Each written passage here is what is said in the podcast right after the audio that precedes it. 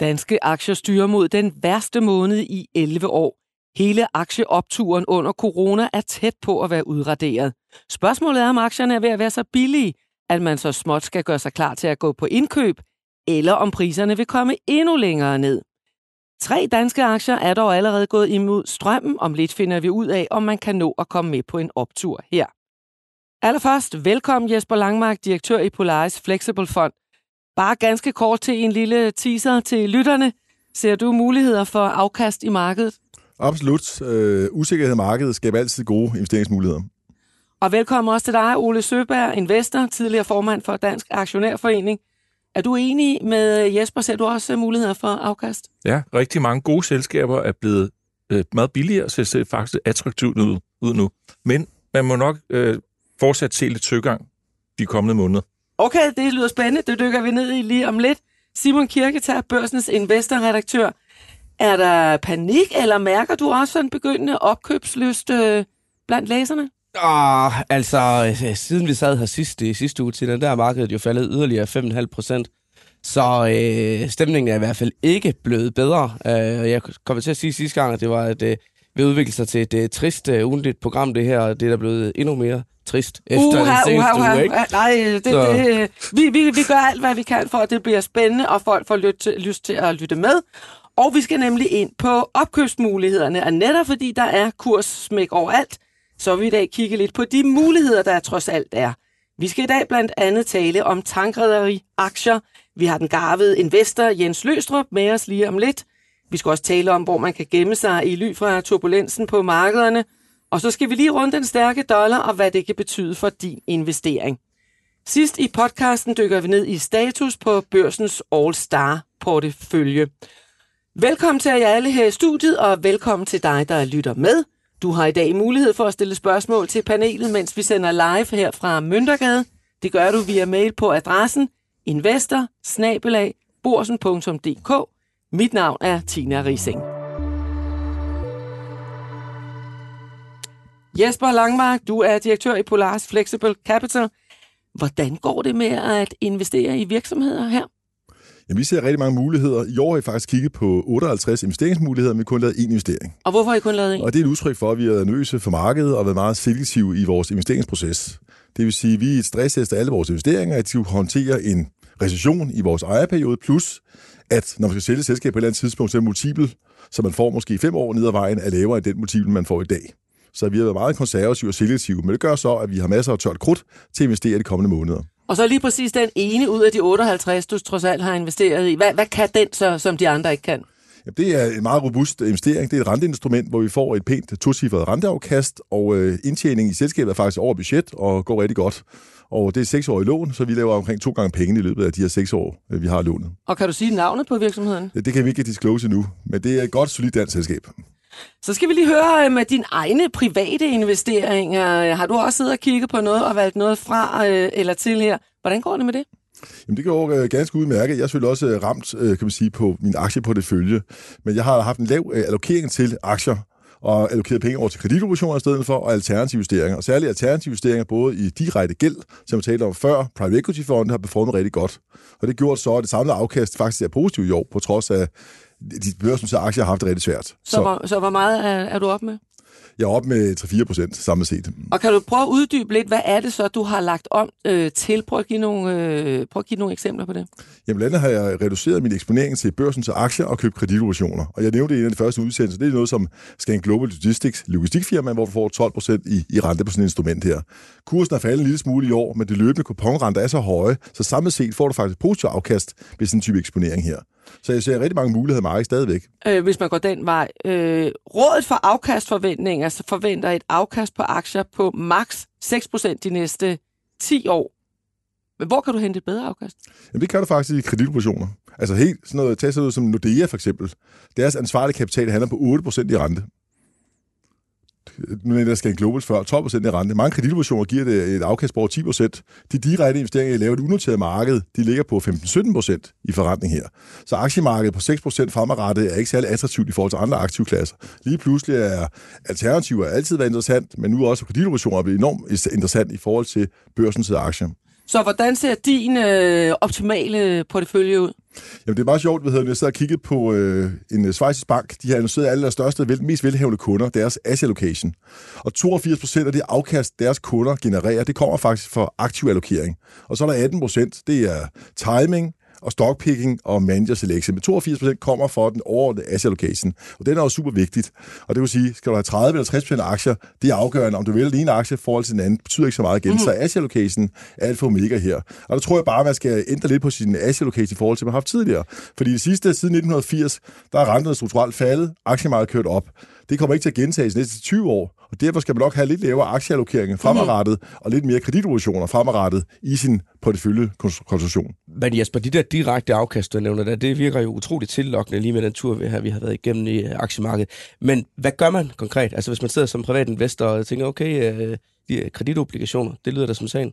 Altså privat investor kan man sige, at kreditobligationer skal typisk investere minimum 100.000 euro for at komme med i en. Så det er jo relativt stor billet. Hvis vi ikke har de penge, så kan man så investere i investeringsforeninger, der investerer i kreditobligationer og for eksponering den vej rundt. Vores fond for eksempel, der har vi Petersen Partners til at distribuere for os. Der kan man også investere 750.000, men typisk er det, hvis du går direkte ind, så er det 750.000, der er minimumbilletten for at komme ind i det. Ellers kan man som privatinvestor investere i investeringsforeninger og komme ind med meget små beløb. Det er 1.000-2.000 kroner, ligesom man investerer i aktieinvesteringsforeninger. Ole Søberg, øh, hvordan øh, klarer din, øh, din investering sig i øjeblikket? Ja, den er ikke i plus. Jeg gør det kun op om lørdagen for at gøre det helt enkelt. Ikke? og i lørdags var jeg minus 13 procent i år. Okay, hvordan blev den lørdag så? Det, jeg vidste godt, det ville være ned, så det er ikke noget, der ændrer det store. Og det kan være sagtens overleve, så det er ikke... Men, men der er faktisk det, som Jesper nævnte før, det, der tidligere hed en 40-60 portefølje, 60% aktier og 40% obligationer, det har ikke været relevant i de sidste 8-10 år. Og lige i løbet af i år, så begynder det så, så at blive relevant igen. Mm. Og jeg var inde i netbanken og bare kigge, hvad har de egentlig af udlandske obligationer? Jeg kunne godt tænke mig at købe nogle T-bills i USA. Det kan du ikke købe i en netbank. Du kan faktisk købe en hel masse øh, mærkelige enkeltaktier, men obligationerne er ligesom ikke lagt over for det, for der har ikke været noget appetit på det i rigtig mange år. Og nu siger du, at øh, du er nede øh, 13 øh, procent, mens i 25-indekset er jo faldet hele 25 procent siden, øh, siden nytår. Ja. Og danske aktier har jo traditionelt været dyre, øh, men er så faldet voldsomt i kurs. Og eksperter mener, at man begynder at kunne forvente en by af nedjusteringer. Er det nu, at man skal begynde at holde øje med øh, de gode opkøbs, opkøbskandidater? Øh, øh, ikke. Jeg tror på kort sigt skal man stadigvæk lige være klar over, at bare i løbet af den sidste måneds tid, så har der været en net outflow på aktiefonde på 33 milliarder dollar her i Europa og 17 milliarder dollar i USA. Og så har der næsten været parallelt bevægelse ind i øh, money market funds i USA på 50 milliarder. Amerikanerne er jo, de står for næsten 70 procent af alle øh, aktietransaktioner og øh, markedsværdi i verden.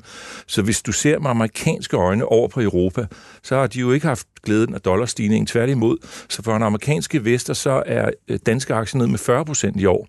Og så går du tilbage til din pensionskasse, eller din privatkunde, eller hvem det nu er, du rådgiver i USA, og den er lidt svær at forklare. Hvorfor skal vi blive ved med at sidde der og blive pint med de her europæiske aktier, og der er endda hul på en gasledning lige ved Bornholm, mm. og hvem har lavet mm. det? Og der er meget galt, ikke? Mm. Øh, så det er faktisk meget nemt at tage en beslutning. Vi trækker bare stikket fra Europa, og det er jo det, fund, fund, fund of flows-tallene, det viser. Mm. Og hvornår de mm. stopper, det har jeg ingen speciel indsigt i. Simon, er der øh, aktier, der begynder at, at se billige ud nu? Der er i hvert fald rigtig, rigtig mange aktier, der er sendt voldsomt ned. Altså, som du nævnte, øh, indgang her. Altså, vi styrer lige nu mod den, den værste måned i 11 år. Altså, der er jo rigtig, rigtig mange af de, øh, de største danske aktier, der har fået barberet øh, 40, 50, 60, 70, nærmest op til 80 procent af, af kursværdien. Sådan noget som øh, Ambo. Jeg vil ikke sige, at, at, at den er billig endnu. Men, øh, men, men det er jo nu, at man skal ligesom begynde at kigge på, øh, er der noget af det her, der er blevet for billigt? Men altså, man skal jo også huske på, at øh, hvad der er faldet, det kan falde endnu mere. Altså, det er, mm, jo, mm. det er jo det onde ved, ved aktier, ikke? Altså, men, men øh, Jesper, tror du, markedet skal endnu længere ned, før du synes, at aktierne begynder at for alvor at se billige ud, og, og du skal frem med indkøbsvognen? Jamen, jeg tror, som langsigtet investor, tror jeg, det er fint nok stille og roligt at gå ind i markedet, men ikke på én gang. Det kan jeg måske gøre gradvist over næste år eller to. Men jeg tror, at markedet er sig yderligere, øh, dels på grund af, at vi har talt før, altså centralbankerne kommer til at kæmpe mod inflation alt, hvad de kan. Og de bliver ved med at hæve renten, indtil inflationen, hvis kerneinflationen kommer ned igen. Og hvor lang tid det tager, det ved vi ikke endnu, men den kamp kommer til at fortsætte, og aktiemarkedet er svært ved at performe indtil man kan se en ende på det her. Derudover så indtjeningsestimaterne for, øh, for investeringsbankerne, de er alt for høje for i år og næste år. De kommer til at blive nedjusteret. Vi kommer formentlig til at se en masse profit warning for mm. selskaberne i de kommende kvartaler. Mm. Kreditinstitutioner kommer også til at downgrade mange virksomheder, der udsteder, der har udstedt obligationer. Så kommer masser af dårligdomme. Så er der også her geopolitik ved siden af, som også påvirker markedet. Så det er svært at se, at vi lige har ramt bunden som sådan, men at time bunden er også utroligt svært. Det er meget sjovt. Jeg sad og kiggede på de europæiske aktier de sidste 20 år. Det er steget over 150 procent. Men havde det været de 15, dår, eller de 15, eller 15 bedste aktiedage, havde du ikke været investeret i aktiemarkedet der, så havde du fået negativ afkast. Så det der med at time meget, gå ind og ud, kan også godt være meget farligt, fordi hvis du timer dårligt, går ud på et forkert tidspunkt og ikke kommer med igen, jamen så mister du det her afkast. Men hvor, hvor meget øh, længere skal vi ned, vil du øh, gætte på? Er det 7 procent, øh, eller hvor? Jamen altså, vi, vi, vi kiggede på det, da vi talte sidst. Altså, øh, hvis du kigger på sådan en hård recession, rammer vi det, jamen så er vi kun halvvejs. Jeg tror ikke, det bliver en, hård recession. Det bliver måske i mellemtiden mellem en blød recession og en hård recession. Så måske 5-10 procent yderligere downside er der nok på markederne ved at vurdere. Hvad siger du, Ole? Jeg siger, altså jeg tror, øh, den store tromslag af det her spil, det er S&P 500. Og de sætter ligesom rytmen på, hvordan det hele går. Og øh, hvis du tager 2023, så forventer man per indeksenhed øh, 238 dollar. Øh, der mangler altså at blive nedjusteret lidt. Ikke? Hvis vi synes, skal tilbage til 200 dollar niveauet per indeksenhed, og så en PE på 16, det er sådan meget normalt langsigtet, ikke? så hedder det 3200, og S&P 500 ligger i hvad det ligger, 36,50 eller sådan noget. Ikke? Så der er sådan en 10-15 procent yderligere ned, før man kan sige, så 15 kommer... Ja, og, og faktisk så de her VIX-indeks, som viser øh, risikofrygten, eller frygtindekset, mm-hmm. som det også bliver kaldt, ikke? de er jo ikke... Øh, de er jo ikke ude i ekstremerne nu. Det ligger på omkring 30, det skal op omkring 40, og så skal der være kapitulering. Så tror jeg, så vil vi ved at være der. Og det passer måske meget godt med, at vi er nede i et eller andet sted mellem 32 og 3400 på det amerikanske indeks. Så, så er I enige om, at, at vi skal endnu længere ned? Men det var også det, vi faktisk snakkede om i går, Jesper. Det der med, at vi har manglet de der paniske dage i markedet, ja. hvor at, øh, at tingene bliver øh, solgt øh, 3, 4, 5 procent ned. Ja. Og så lige nogle af dem i, i rap, så, så at øh, det virkelig gør så ondt, at folk virkelig begynder at kaste øh, alt over bord og bliver så træt af aktier, man tænker, aktier, jeg skal aldrig nogensinde tilbage dertil. Altså, det, det, er så, det her, det, det kører jo bare lidt øh, langsomt øh, nedad. Altså, det er, jo ikke, det er jo ikke det der voldsomme tryk. Nej. Øh, Jesper, Men det kan jo ja. være, at folk har lært en del de sidste par år, og lyttet på programmer som det her, som ikke fandtes tidligere, at når det falder, så skal man altså ikke bare løbe mod udgangene. Så skal man faktisk lige overveje, det kan være, der begynder at være noget, der ser Sæt sig interessant lidt ud. på, på hænderne. Men som Jesper sagde, altså ikke at gå all in på nuværende tidspunkt, det, det vil være...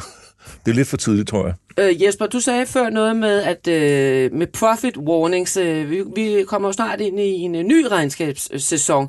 Hvad hører du ude i markedet i øjeblikket, når, når du er ude og kigge på de her virksomheder? Ser du også, at, at virksomhederne er i gang med at nedjustere? Altså, vi har talt om det tidligere, man kan tydeligt se, at de virksomheder, der er meget eksponeret til forbrugeren, de er enormt hårdt ramt. Og det kommer også til at ramme det børsnoterede marked de kommende kvartaler.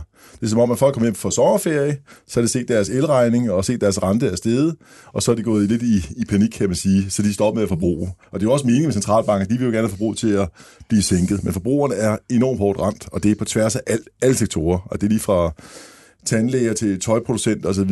Alle er enormt hårdt ramt, og det ser man først i kommende kvartaler i aktiemarkedet. Så, så hvilke selskaber af sektorer sidder I så og holder lidt øje med nu, at når de begynder at falde måske yderligere, som I sagde før, ned i pris? Hvad er det så, der er interessant at gå ind i?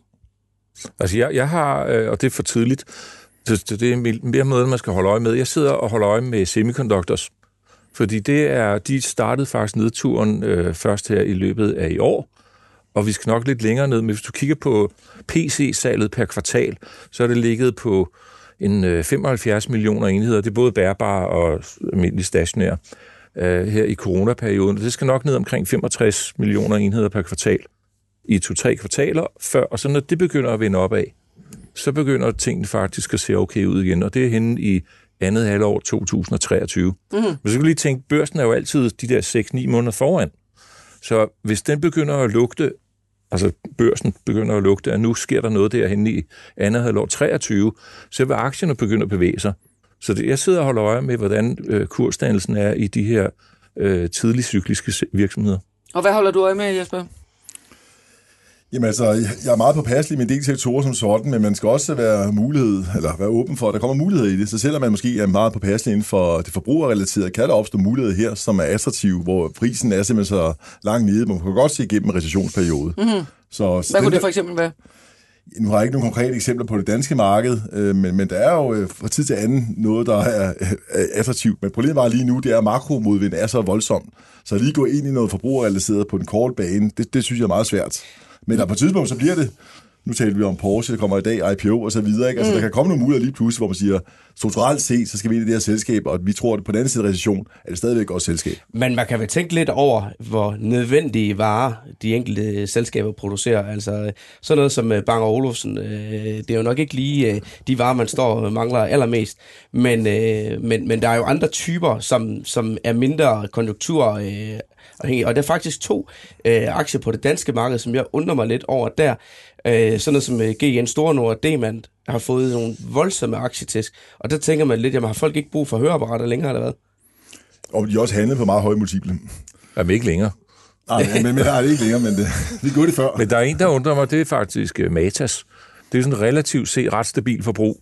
Selvfølgelig så kan du købe øh, nogle af daglig, eller sådan hygiejneprodukter til daglig brug nede ja. i supermarkedet eller i en normal butik, men øh, et eller andet sted, så er det sådan en relativt stabil øh, forretning, mm. og den er halveret efterhånden fra niveauet sidste sommer.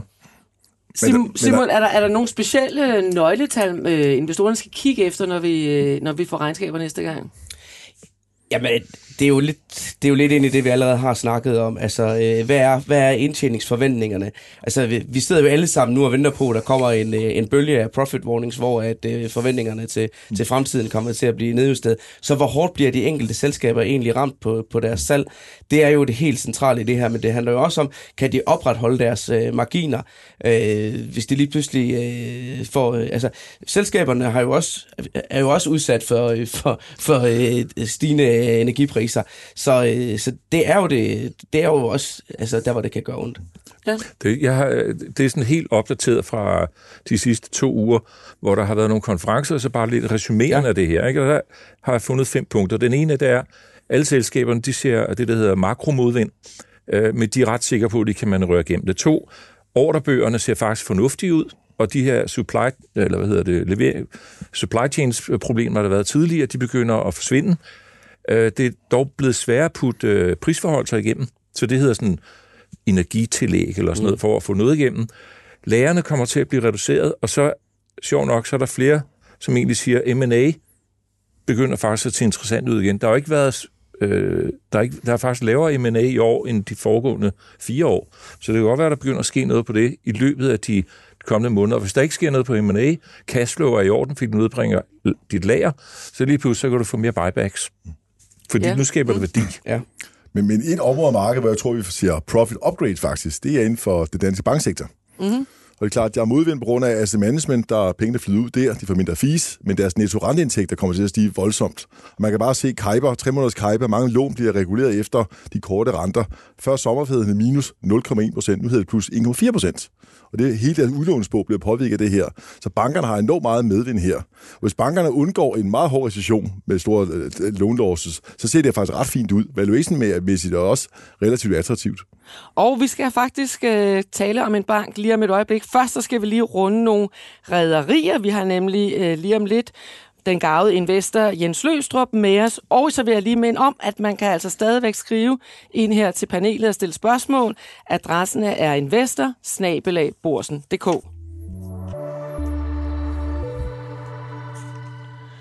Fragtraterne er steget voldsomt hos tankrederierne. Ifølge topchefen hos Torm, Jakob Melgaard, er retterne tre gange så høje i tredje kvartal i år som sidste år. Aktiekurserne er fuldt godt med op, og en, der har nyt godt af det, er dig, Jens Løstrup. Du har nemlig både investeret i Torm og Norden, som er steget med henholdsvis mere end 200 og 100 procent siden nytår. Jens Løstrup, velkommen til podcasten. Ja, tak skal du have. Hvad har du fået øh, ud af dine investeringer i de to rædderier? Jamen, det har, været, det har været nogle gode investeringer. Jeg har været inde i øh, begge aktierne med, ja, kan man sige, det meste af, af mine investeringer har jeg købt i anden halvdel af 21. Så, så derfor har jeg været med sådan igennem hele årets stigninger på hovedparten af min investering. Jeg har også købt noget mere i første kvartal, men øh, jeg har haft en rigtig fornøjelig optur på den, på den del. Hvornår så du, at det var en god idé at øh, gå ind i øh, tankrederisektoren? Det gjorde jeg i løbet af, af, af 21. Og, øh, og, og, og det er sådan set nogle grundlæggende forhold, der gør sig gældende, øh, som jeg brugte en masse tid på at sætte mig ind i. Øhm, og det, der var gældende i, i, i perioden 20 og 21, det var, at der blev, man havde det rigtig skidt, og finans, øh, eller øh, coronaen gjorde det værre, og derfor bestilte man meget få nye skibe. Og samtidig så steg jo priserne på stål, som vi alle sammen ved, og øh, når nu branchen havde det skidt, jamen så valgte man at skrotte nogle flere skibe, end man plejer. Øhm, og der skete også nogle omlægninger på raffinaderidelen, øh, sådan at forstå, at urentable raffinaderier i Europa blev, blev lukket, og til gengæld åbnede man, man nye i Mellemøsten og i, i, i Fjernøsten. Og det betød jo så, at, at, at de her produkter skulle sejles længere, øh, i stedet for at, at, at, at, at, at, at transportere fra et raffinaderi i Nordeuropa, jamen, så skal man måske hente det i, i Mellemøsten, og, og så skal det med skib. Så alt tyder på, at 22 vil blive et godt år for de her tankselskaber. Øh, og når vi snakker tankselskaber, så er det altså den del, der hedder raffinerede olier. Man opdeler markedet i to. Man har det raffinerede øh, område, og så har man råolien. Øh, og, og, og det var det billede, der var ved indgangen af 22, hvor folk begyndte at vende tilbage fra corona. Man begyndte at køre mere normalt. Man begyndte at rejse med fly igen.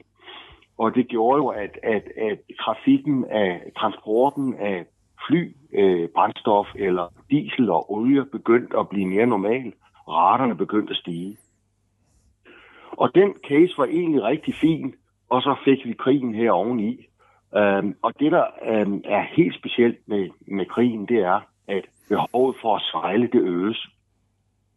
Der sker simpelthen det, at fra 1. februar 23, er det ikke længere øh, tilladt at lade en, et skib ligge til i, i, en, en europæisk havn med russisk diesel. Nej, det er jo EU's embargo jo mod import af ja. russisk olie øh, til Europa, ikke? som træder i kraft i februar. Og der er mange, der ikke er klar over det, men russisk diesel fylder temmelig meget i Europa. Mm. Rusland har historisk produceret meget diesel, og man har sendt det med skib fra øh, Rusland gennem Sortehavet eller gennem den botniske bugt. Mm. Og, og, og konsekvensen er, at nu skal man så til at sejle al den her diesel andre steder hen. Og det kan være, det er mere, det kan være Sydamerika, det kan være Asien.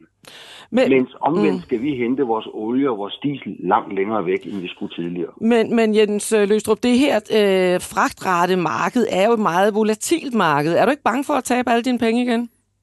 Jo, altså hvis du nu ser på sådan noget som, som, øh, som øh, containerbranchen, øh, der vil jeg være utrolig bange, fordi raterne er på vej ned, og der er rigtig mange skibe på vej ind.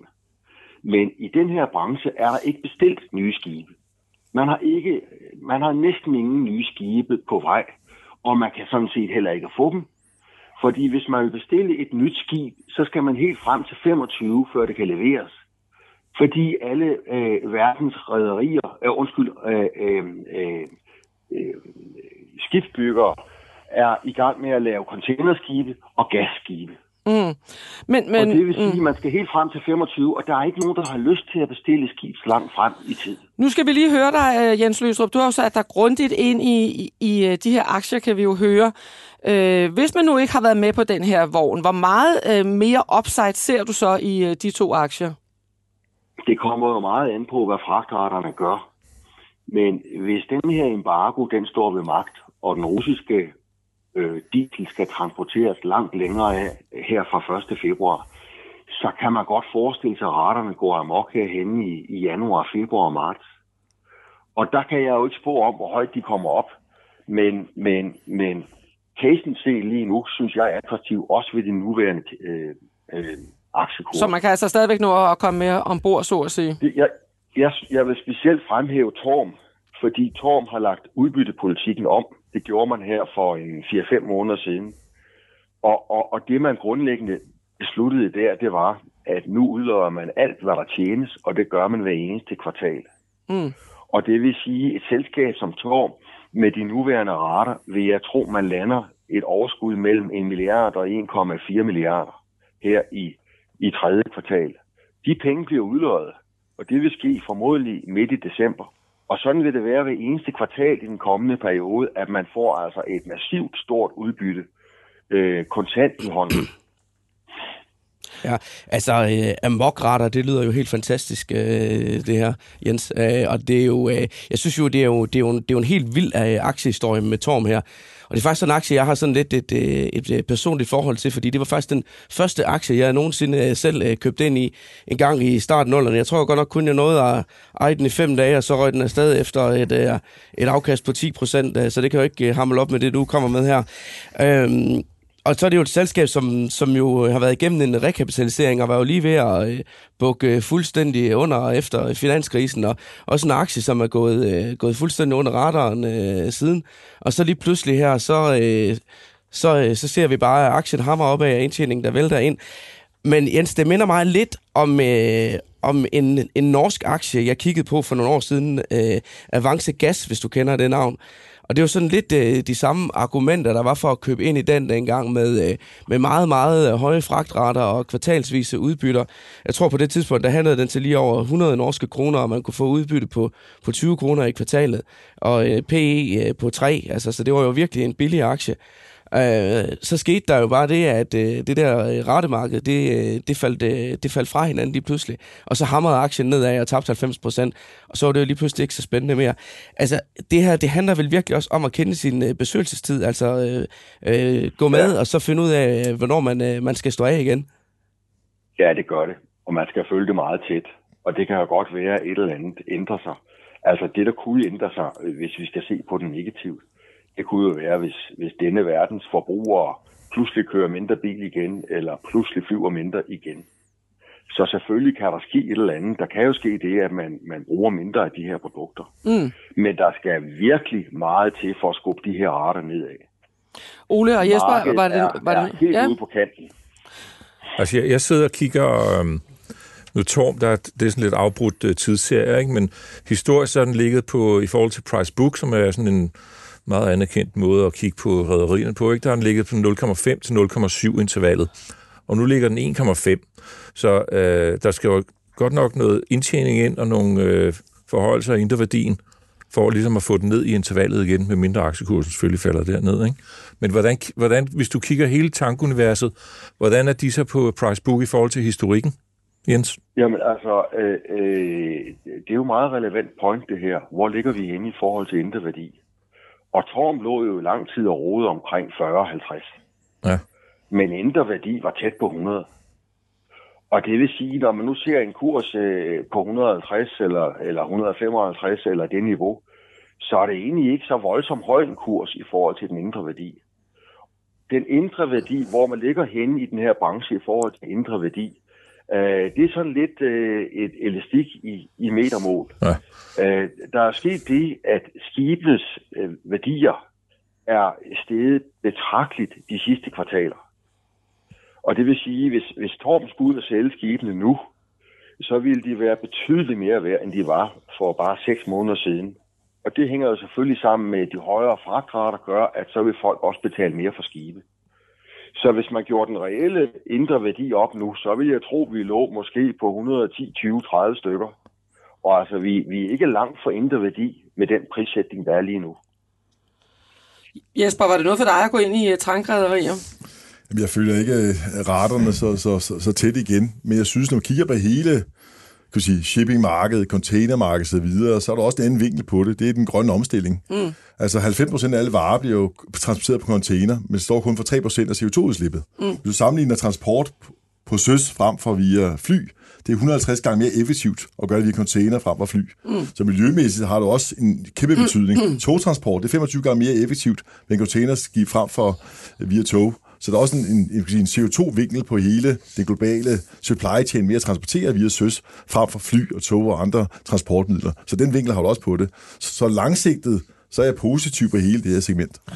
Okay, øh, Jens, øh, ud over de her to rædderier, som vi lige har talt om nu, så skal vi altså også lige nå at runde, nemlig en bank, som du har investeret i. Og du var jo lidt inde på det før, Jesper, fordi Jens, ud over de her to rædderier, så har du Jyske Bank, som er gået næsten 23 procent øh, i vejret siden nytår. Øh, så du har jo haft øh, stor upside på din portefølje, både på de her to rædderier og så på Jyske Bank. Hvor meget er din, hvor meget er din portefølje op med i øjeblikket? I, I går ved lukketid var jeg oppe med 6% samlet. Og det, det er jo så over for et marked, der er nede med en, en, en 27-28 procent. Og, Ja. og, og jeg skal skynde mig at sige, at det er sjældent, at jeg er så langt foran markedet. Jeg plejer at være foran, men, men, men det er jo meget voldsomt i år. Øh, Jeg har også, når, når, når, når salg skal være salg, har jeg jo også taget en lidt større chance, end jeg plejer, fordi jeg ligger med over 60 procent, tæt på 65 procent i, i, i de her tre aktier, altså Nord, mm. Norden, Torm og Jyske Bank. Ja. Og det vil sige, at jeg har, jeg har i forhold til, hvad man egentlig bør, så ligger jeg lidt tungere i de her aktier. Mm. Og årsagen til det er jo, at de er steget så voldsomt, og jeg har ikke solgt. Og hvad, og, hvad, ja, og hvad med Jyske Bank? Altså, hvor meget upside øh, ser du i, i den endnu? Jamen, Jyske Bank er jo en fantastisk case, og, øh, og der er ingen tvivl om, at banksektoren står foran nogle gode, øh, nogle gode år, og Jyske Bank i særdeleshed, fordi man har købt Handelsbanken, og det, det håber jeg, det tror jeg falder på plads hen omkring 1. december. Øh, og det, der så sker i den her sektor, det er, at hvor man i en periode havde svært ved at tjene på, på de indlån, man havde, ja, så får man nu en periode foran her, hvor indlånene bliver en rigtig god forretning. Og det vil sige, at bankernes indtjening over en, en, en kan man sige, set bredt, vil gå op. Og det vil især påvirke de banker, som har et relativt højt indlån. Og det har Jyske Bank. Okay. Det er en af de banker, der har et, et, et væsentligt større indlån, end man har udlån. Øh, s- Så kommer der, så kommer der jo konverteringsbølgerne her, hvor folk skal ind og ud øh, og skal tjene noget på realkreditbelåningen. Og der ligger Jyske Bank også godt til. Øh, øh, når vi så sammenligner med indre værdi, jamen så har vi en aktie her, hvor indre værdi er pænt højere end, end, end børskursen. Men, men 60 procent i de tre aktier, det, øh, hold da op, det jo, øh, du kører er høj højt. risiko her. Det er højt. det er højt. Normal, normalt plejer jeg at sige til alle, og jeg plejer at have det råd, gå ikke op over 15 procent Nej, og det har du så lige øh, på en enkelt aktie. gået fra selv. Ja, så skulle det vil sige, så skulle jeg sådan set ikke op over 45. Nej. Men når der så sker det, at aktierne klarer sig øh, rigtig godt, og billedet er, ser ud til at være intakt, og vi får den her krig, der gør, at jeg absolut ikke har lyst til at sælge tankaktier. Ja. Samtidig med, at nogle af de andre falder, jamen altså, så kan det altså komme, at, at den kommer så højt op. Så, så er det godt, du ikke har lyttet til dig selv i, i den her omgang. Jens, det er, jo, øh, det er jo tre fremdragende cases, du, øh, du får lov til at fremhæve her, så jeg er nødt til lige at, at drille dig lidt også, fordi jeg kan huske for et års tid siden, der var du ude og øh, snakke rigtig varmt om huskompaniet, øh, som du Ja. også havde investeret i. Og nu kiggede jeg bare lige på den øh, aktiekurs her den anden dag, og den er droppet 60% øh, siden øh, marts måned. Ja. Hvordan, øh, hvordan med sådan en? Er det, øh, er det så en af dem, der trækker ned? Altså, og hvad har du gjort med Ja. den egentlig? Jeg har, jeg har jo, ligesom alle andre, har jeg også aktier, der er faldet, og, og når man nu ser på, hvor få der er steget, øh, der er jo næsten ikke ret mange, der er steget. Så, og jeg har tabt på huskompaniet, jeg har også tabt på DFDS, og jeg har også andre aktier, der er faldet. Men, men samlet set er jeg jo vældig fornøjet. Vi må sige, det er flot øh, gået, Jens. Har du lige et øh, sidste godt råd til, øh, til lytterne her, til andre end, ja. Ja. investorer på, på fejlrebet? Jeg, jeg, jeg, jeg, lad nu være med at handle med, med, med maven her. Øh, det er meget sjældent, vi har så store fald. Vi skal tilbage til finanskrisen eller, eller, eller IT-boblen. Det er sådan set de to gange, vi har haft øh, øh, større fald i de sidste 30 år. Så aktierne er faldet meget. Rigtig mange aktier er ved at være billige. Og lad nu være med at sige, jamen nu er det faldet, nu skal jeg sørge mig ud. Øh, hvor svært det kan være, så er det nu, man skal føle sig tryg. Mm. Jo mere markedet er faldet, jo mere tryg skal man føle sig. Men den menneskelige natur, den er den omvendte. Ja. Er, er jo mere det er steget, og jo længere tid man har set, at, at, at det er gået godt, jo mere føler man sig ovenpå, og jo flere aktier vil man have, vil man have ombord. Og det er altså det modsatte, man skal tænke. Hvis man skal tjene penge i det her marked, så er det, så er det ganske simpelt. Så er det godt at købe, når det er faldet. Øh, og hvis man skal sælge, så er det godt at købe, når det er steget i lang tid. Og man skal passe på, at man ikke går ud og gør det omvendte. Vi lader Jeg det... Øh, at se, at aktierne kan komme meget langt længere ned, end, end de er nu. vi, Og så skal vi huske på til sidst, at september er en kedelig måned. Der kommer intet nyt fra selskaberne, og det vil sige, at alle de her negative vibrationer kan få lov at få frit løb. Tak skal du have, øh, Jens, øh, fordi du var med her i øh, vores podcast, og vi håber, at der er nogen, der har, har lyttet med til, hvad du har advaret mod. Nu er det blevet tid til, at det skal handle om vores All-Star-portefølje, som jo har det lidt svært i øjeblikket, som så mange andre porteføljer, bortset selvfølgelig lige fra Jenses, som vi hørte om, og måske også din, uh, Jespers. Uh, Simon, uh, står det så slemt til, at vi skal ud på strøget og stå og synge og samle i en gammel hat eller gammel sko eller noget. Hvordan, altså, Hvordan hvis, det, hvis det fortsætter i den retning her, så, så er det der, der, vi ender omkring juletid i hvert fald. Altså, øh, vi har, øh, vi har mistet 95.000 øh, kroner af dem. Vi, uh, af de 600.000 øh, Saxo Bank, de har så ventet at stille øh, til rådighed i, øh, i maj måned. Så øh, det kan da godt gå hen og blive en dyr omgang øh, for dem, øh, må vi erkende. Og altså, øh, det, der er fuld smadret på her. Øh, det hele er næsten rødt, når jeg lige kigger på porteføljen her. Vi har øh, en aktie tilbage, plus det tryk. Alt andet, det ligger under vand nu. Uh, og uh, Jesper, jeg er jo glad for at have dig med i studiet her i dag, fordi uh, vi, uh, vi er nødt til at have en opdatering på to af de, de to aktier, du, uh, du har valgt i hvert fald, uh, fordi de ligger, uh, de ligger godt ned mod, uh, mod bunden nu. Øh, det kan vi lige tage øh, bagefter, så det kan du lige sidde og forberede dig på. Øh, men øh, ellers så øh, vil jeg gerne lige runde øh, Biogaia, som øh, vi også snakkede om i sidste uge, øh, da Peter Bækgaard var herinde. Fordi øh, det er jo en af dem, han har valgt. Øh, der har faktisk været en, øh, en rigtig interessant analyse i, øh, i Dagens Industri, altså vores øh, svenske øh, søstermedie, som, øh, som øh, argumenterer for et øh, kurspotentiale på 50% øh, fra det aktuelle kursniveau. Øh, Altså, de skriver samtidig, at øh, selskabet kan være en opkøbskandidat. Øh, de har en øh, egenkapital på over 1 milliard svenske. De har masser af penge i kassen, som uh, EQT og Cargill har skudt ind for nylig. Øhm, så så, øh, så den, den, den får ligesom lidt, øh, lidt positiv medvind der. Så sms'ede jeg faktisk med Peter Bækgaard på vej hen i morges, øh, også om den her var, var han så skrev, jeg har godt set den, men det hjælper jo ikke. altså, øh, den ligger også nede med 4,7 procent i dag, mm, øh, mm. og vi nu tabt 23 procent på den. Mm. Så ja, ja. Mm. Men øh, lige en lille opdatering på den i hvert fald. Og så, øh, Jesper, du købte jo den der Asbury Automotive Group. Øh, amerikansk bilforhandler, og øh, der har jeg kigget lidt på øh, det her Mannheim Used Vehicle Value Index. Og det var en af årsagerne til, at øh, du købte den, at øh, den, det pegede jo opad. Øh, priserne på brugt biler øh, øh, havde, havde retning opad. Nu indekset det altså vendt nedad. Hvad, hvad skal vi tro med aktien? Nu vil sige, den er jo faldet i, i spillet her, er den faldet 10 procent ja. mål danske kroner. Men, men siden året starter den faktisk i mål danske kroner stedet 6 procent. Så de, og resultaterne er kommet i løbet af året og også været rigtig stærke. Og det vi skal huske på, det er, selskab, salget af biler har ligget på kunstigt lavt niveau, fordi man ikke kunne skaffe bilerne fra producenterne. Så derfor det salg, man har haft nu, er faktisk på recessionsniveau allerede. Okay. Så, så, så, så, så, det har ikke været noget super højt salg. Men så er der ret i, at man har haft brugte priser af stigende, og nye priser af stigende, og det er nyt godt af. Men valuation på det her selskab er så lav, så der skal man, jeg vil kigge simpelthen igennem det her. Så jeg kigger igennem det her, kigger på 5-10 års sigt. Det er sådan en compounder. De er gode til at allokere kapitalen ved at købe små forhandlere op eller lave share buybacks. Så selvom man kan sige, at de sidste tre måneder er mm. faldet tilbage, så vil vi se igennem det her, fordi der er ingen tvivl om, at den er faldet en del på grund af recessionsfrygt. En hård recession vil også ramme dem her. Ja. Men igen, jeg tror, de kommer til at købe små dealers op, hvis recessionen bliver hård, og udnytte det på en god måde. Og det har de i hvert fald gjort historisk set. Så langsigtet, hvis man har en lang horisont, så skal man bare fastholde. Så er det indekset vender ned, er det ikke et salgssignal for os? Øh, taktisk kan man godt gøre det, men der tænker jeg mere langsigtet her. Og igen, det er jo stadig godt trods alt givet 6% afkast i år. Det synes jeg er udmærket i det her marked. Ja.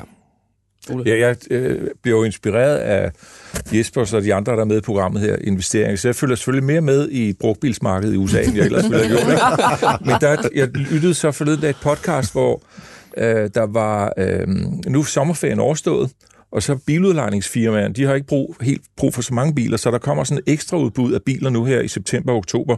Og det der Mannheim-indeks, som ligger 205 eller sådan noget, det var oppe i 230. Jeg gætter på, at det falder ned til en 160 i foråret næste år. Men altså, den her konkurrence er jo slut i, hen i slutningen af året, og der er jo en vis korrelation mellem aktiekurserne på brugtprisforhandlerne og det her indeks. Så desværre så er det nok ikke den, der kommer op og tager første præmien. Så der er lidt overskyet på stjernehimlen i porteføljen, må man konstatere.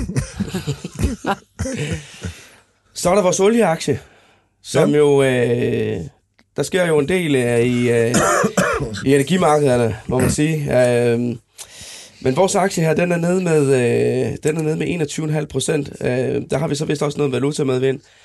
Hvad tænker du, Jesper, af den? Jamen, det blev valgt, fordi vi godt i, i en porteføljesammenhæng manglede vi noget energi. Vi havde ikke noget energi overhovedet på det følgende.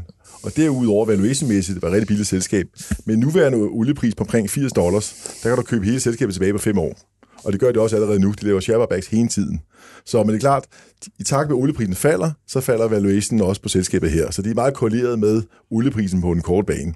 Men igen, hvis du er langsigtet her, så skal man bare fastholde, fordi de gode, har en god kapitaldisciplin. Hvis, hvis olieprisen falder meget, og der er nogle IRP-producenter til salg, så køber de dem op, og der er ikke noget billigt til salg, så laver de share buybacks. Så kapitaldisciplinen er rigtig god og de har cashflow positiv, eller de har cash på balancen, samtidig med, at de tjener rigtig mange penge i øjeblikket. Og hvis vi kigger på det, år til dato har han faktisk givet 59% i afkast. Så det er kun fordi den seneste periode været lidt dårlig, men på hele året har det givet godt afkast. Så igen, som langsigtet investor skal bare holde fast. Og ja, nu siger du, den er korrelateret med, øh, med olieprisen. Det må man i den grad sige, det ser ud til, fordi at, øh, den er faldet øh, nærmest nøjagtigt øh, med samme cifre som, øh, som aktien i den periode, vi, øh, vi har ejet den. Ole, skal vi lige nå at vende øh, Mercedes? Øh, Helt kort. Ja, der kommer jo øh, Porsche på børsen i dag.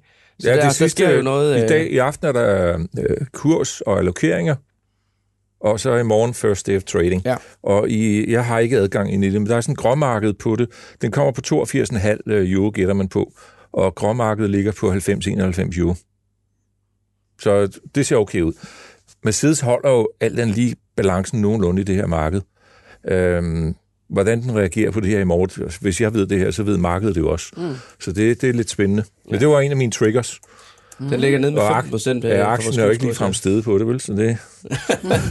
vi, må, vi må håbe, at så kommer i morgen, når, øh, når Porsche kommer i handel. Ja, øhm, og, ved, og nummer to, det er SimCorp, det er kapitalmarkedsdag næste uge. Og det, der vil være rigtig, rigtig fedt, det var selvfølgelig, at de annoncerer nogle ordre.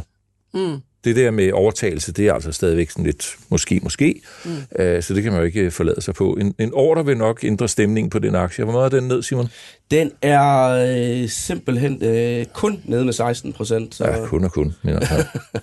Ej, men øh, ja. alt er relativt her jo. Så må vi synge lidt højere. Det, det må vi simpelthen give men, ja. Tina, vi kan lige nævne til sidst her, at øh, hvis man vil se øh, hele porteføljen, så, øh, så ligger den jo, øh, så ligger vi den ud, øh, et link til den sammen med podcasten. Det gør vi, lige præcis. Vi øh, krydser fingre for, at, øh, at det går lidt bedre næste uge, øh, Simon. Det gør vi i den grad, ja. Og, og Jesper og Ole. Og øh, at øh, ellers må vi i gang med det store øh, hornorkester eller noget.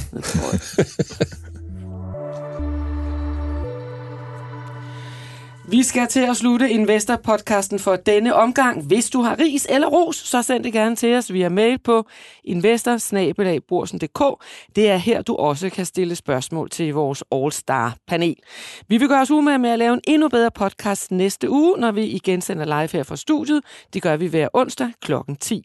I studiet i dag Jesper Langmark, direktør i Polaris Flexible Capital, Ole Søberg, investor, tidligere formand for Dansk Aktionærforening, Simon Kirketab, investor redaktør, i redaktionen Gro Højer Tilst, Mihi Christensen stod for teknikken, mit navn er Tina Rising. Tak fordi du lyttede med.